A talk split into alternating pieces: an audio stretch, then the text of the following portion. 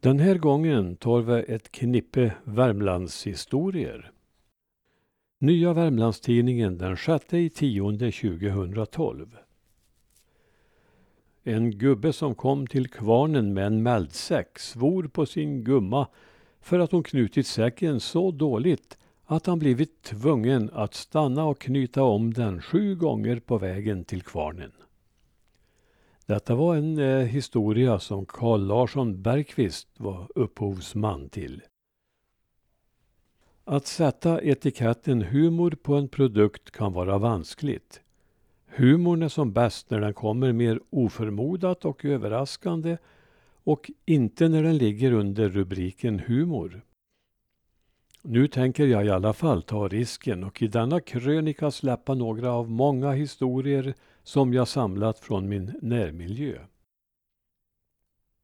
Tanken var en gång att det skulle bli en bok full av roliga Värmlandshistorier men så har det ännu inte blivit och kommer kanske inte att bli, bland annat av ovan nämnda skäl. Ett annat hinder har varit att de flesta historierna vid närmare granskning visat sig vara sådana att man helst skulle känna huvudpersonen för att riktigt fatta poängen och gärna skulle de berättas muntligt. En känd journalist jag var bekant med sa att en bra story skulle man inte förstöra genom att efterforska sanningshalten för noga. Jag tror att detta hellre kan gälla roliga historier än nyheter. Dock har jag för denna krönika noga valt ut historier som jag kan garantera sanningshalten i. De har berättats av personer som jag känt väl och som bara i ringa mån och gott syfte kan ha tänjt något litet på sanningen. Ett litet urval. En i norra Värmland välkänd glädjespridare var Arvid på Hebekmon. Han var mycket slagfärdig och han kan kanske ses som Nordvärmlands svar på Elis i Taserud. När Arvid var inkallad skulle han tas ut som hästskötare och var väl inte så intresserad av detta. Eftersom han kom från en bygd med många timmerkörare blev han tillfrågad om han var van vid hästar. Arvid svarade Nej, men jag har en bror som har sett slaga ät en. Spåren vill säga. Arvid gick vakt på regementet. Han fick ut två skarpa och fyra lösa skott. Bäst det var fick han se en stor råtta och sköt mot kräket. Dagofficeren kom kutande och frågade vad han sköt på. Arvid pekade på råttan och förklarade jag ropt halt fyra gånger och då inte röta stant var jag ju tvungen att ly order och skjut. Slagfärdigheten hade Arvid möjligen ärvt från sin far Johan. Denne skulle en gång sälja ett kalvskinn till handlaren Janne på Klarabäck. Men när han kom till affären med skinnet tyckte Janne att det var att ett ynkligt litet skinn. Johan hade snabbt svar på tal.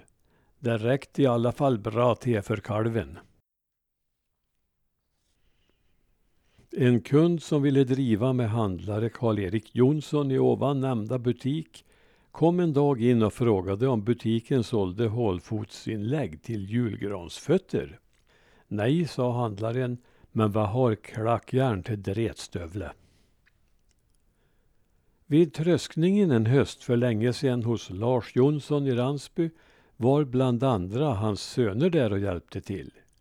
Karin, Lars hustru, kom in och talade om att hon sovit dåligt på natten. Det hade varit loppor och gått på hennes händer. Men hon uttryckte sig så att lopporna hade gått på händerna. Då svarade hennes son Albert. Det var första gången jag har hört att löppan kan gå på händerna. Farfars bror Olle skulle gifta sig. Det var bråttom, det var långt till kyrkan och brudparet måste ro över Klarälven för att komma dit. Olle hittade inte kragknappen, tiden gick och han blev allt mer irriterad och nervös. Till slut var han i upplösningstillstånd och utbrast. Jag tror jag skiter i alltihop. Nåja, kragknappen gled slutligen på plats och Olle blev gift. Horsberg Siri var Säterkulla en sommar, troligen i Synningen. Hon hade aldrig tidigare sett ett flygplan, men en dag kom det ett sådant över vallen. Siri ropade Jesus min Gud, tacka stora tran. Sann är helt visst denna historia. En kvinnlig apotekstekniker på ett apotek i norra Värmland har berättat från sin tid som nyanställd att en dam kom in och ville köpa glidmedel. Flickan bakom disken tyckte att hon sa klimedel och gav henne medel mot klåda. Efter en tid kom damen tillbaka och bad på nytt att få glidmedel. Den unga apoteksteknikern försökte då diskret korrigera sitt misstag från förra besöket genom att erbjuda ett riktigt glidmedel. Nej, samma sort som förra gången ska det vara för det var alldeles utmärkt, tyckte damen. Slutligen lite skollärarhumor. Följande två historier har jag från Brattmon och de har berättats av seminarielärare Ingvar Larsson som i ungdomen jobbade en vinter i skogen. Han kom då i kontakt med historieberättaren Norstu Johan från Brannäs. Denna berättade så här i timmerkojan. Det var en käring i Brannäs som hade näs så lång så att hon räckte ner till haka. Nu låg gumman på sitt yttersta men kan ni förstå.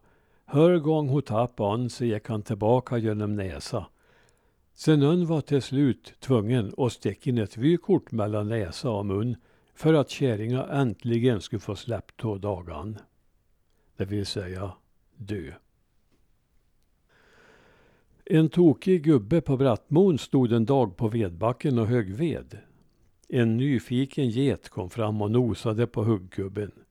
Då sa gubben till geten att hon skulle flytta på sig, men geten stod kvar.